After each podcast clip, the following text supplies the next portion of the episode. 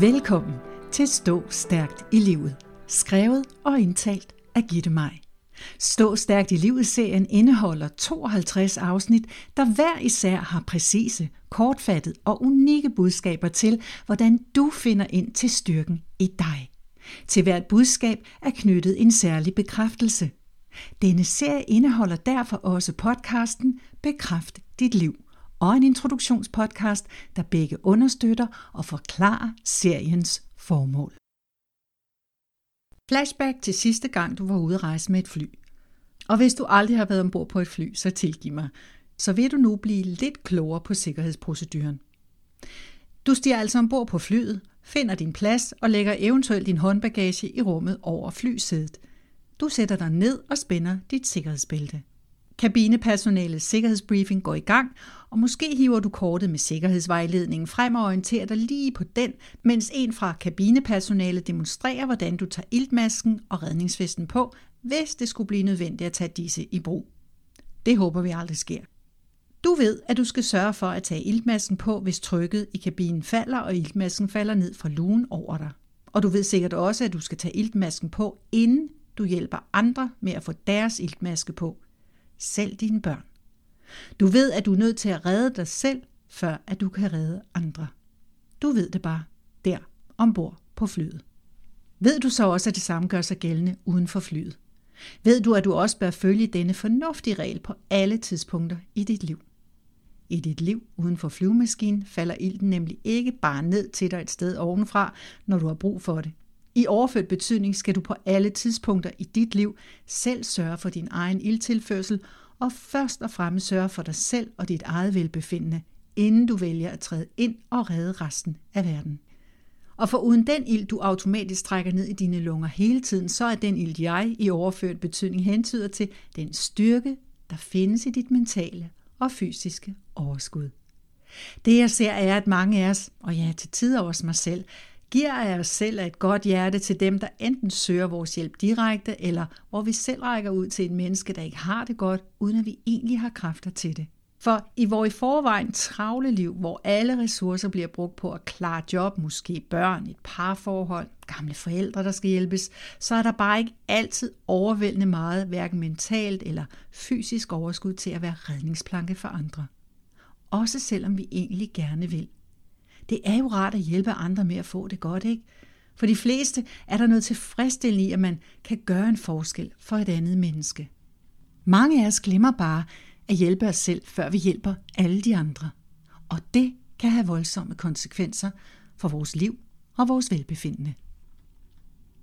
Hvis du får energi og bliver opløftet af at være hjælperen, hvis du går glad og tilfreds i seng efter at have brugt 5-10 timer om ugen på dit frivillige arbejde, oven i din normale arbejdstid, fritidsaktiviteter og alt det andet, der foregår i dit privatliv, så er alt godt. Det samme gør sig gældende på en arbejdsplads. Hvis du har det godt med at være go-to-medarbejderen på dit arbejde, hende eller ham, der bare uden at kny fikser store og små problemer, også dem, der ikke står i jobbeskrivelsen. Hvis det efterlader dig med overskud, så er alt godt. Men hvis det modsatte gør sig gældende, hvis du pludselig føler, at du ikke kan trække vejret, fordi du har glemt at til gode se dine egne behov, og ikke har fået iltmasken på, før du gav alle dem omkring dig ilt, så skal du til at kigge på den hjælperrolle, du har påtaget dig på, om den nu også er så givende for dig, som du tror, den er. Så skal du til at kigge på, hvorfor du hjælper. Jeg kan selvfølgelig kun tale for mig selv, men mine iagttagelser viser bare, at mange går ind i hjælperrollen for at få en eller anden form for accept for at mærke, at man hører til og har værdi, for at blive set. Og i sidste ende gør man det simpelthen for at få kærlig opmærksomhed. En opmærksomhed, som måske ikke er blevet en tildel på det niveau, som man har haft behov for som barn. Og selv som forstandig voksen vil den mangel på anerkendelse og kærlig opmærksomhed, man oplevede som barn, stadig have indflydelse og stadig være udslagsgivende for den opmærksomhed, man søger som voksen. Men for at du kan blive ved med at passe på andre og være der for andre, så skal du lære at passe på dig selv først. Det er den bekræftelse, du skal bruge, når du føler, at du presser dig selv ind i en hjælperolle, du godt ved ikke i længden er gavnlig for dig. Du skal sige bekræftelsen, jeg passer altid godt på mig selv. Jeg passer altid godt på mig selv. Du skal bryde et mønster. Du skal måske lære at sige nej. Og du skal lære at sætte grænser. For din egen skyld. Du skal lære at lue i dit eget bed, før du lurer i andres bed. Og det er ikke altid så nemt, som det lyder. I en tidligere podcast omtalte jeg betydning af at have forholdt sig til sine kerneværdier.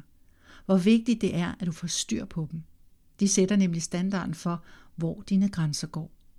Hvis du har styr på dine værdier, så kan du nemmere være tro mod dig selv og handle i harmoni med dit indre værdisæt. Hvis en af dine værdier virkelig er, at du altid hjælper, hvor du kan, fordi du ved, at det gør dig godt, så er alt godt. Så gør du det ud fra dit indre værdisæt, og så er der større sandsynlighed for, at du ikke bliver så drænet, at du faktisk får mentalt overskud og energi af at være hjælperen. Det, der er så utrolig vigtigt, er, at du får styr på, hvad der egentlig er vigtigt for dig. Hvorfor du gør, som du gør. Hvorfor sørger du for, at alle andre får iltmasken på, før du selv tager din egen på? Har du lært, at det skal være sådan? Har det været et led i din opdragelse? Fik du først kærlighed, når dit værelse var ryddet op? Kig grundigt på, hvad det er, der er vigtigt for dig, og hvad der egentlig virker for dig. Jeg lærte selv at forholde mig til min rolle som hjælper, da jeg simpelthen fik voldsomme fysiske reaktioner, fordi min krop var så evigt træt af, at jeg så godt som aldrig tilførte den ild, men at jeg til gengæld altid brugte alt for meget energi på at sørge for, at andre fik masser af ild, før jeg fik min egen. Jeg havde utroligt svært ved at sige nej, sætte grænser og holde mig fri af andres problemer. Jeg var endda ansat i HR og arbejdede dagligt med mennesker. Lyttede og fiksede alt det, jeg kunne. Men jeg glemte det vigtigste menneske i mit liv. Mig selv. Og til sidst fik jeg seriøse, kløende udslæt på hele kroppen. Til sidst måtte jeg indse, at min kloge krop vidste bedre, end jeg selv opfattede, hvad der var vigtigt for mig. Og der var ingen vej tilbage. Jeg var nødt til at sætte mig selv først. Fremadrettet galt det om at få styr på mig. Forholde mig til mine værdier og mine grænser, og så tage den forbandede iltmaske på, før jeg viste alle andre, hvordan de tog deres på. Jeg håber, at du altid får nok ilt, og at du har så godt styr på dine egne værdier og din grænsesætning, at du iført din iltmaske har overskud til at være der for dem, der har brug for dig. Uden at du oplever mentalt eller fysisk energitab, eller som jeg ender med at få røde knopper over hele kroppen.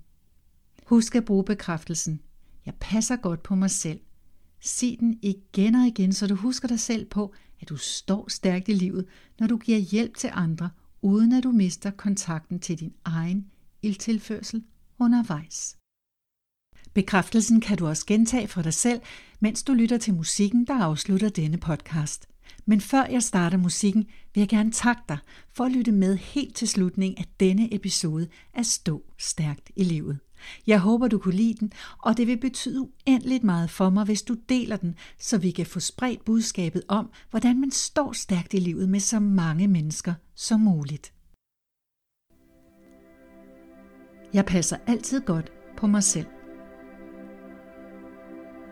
Jeg passer altid godt på mig selv. Jeg passer altid godt på mig selv.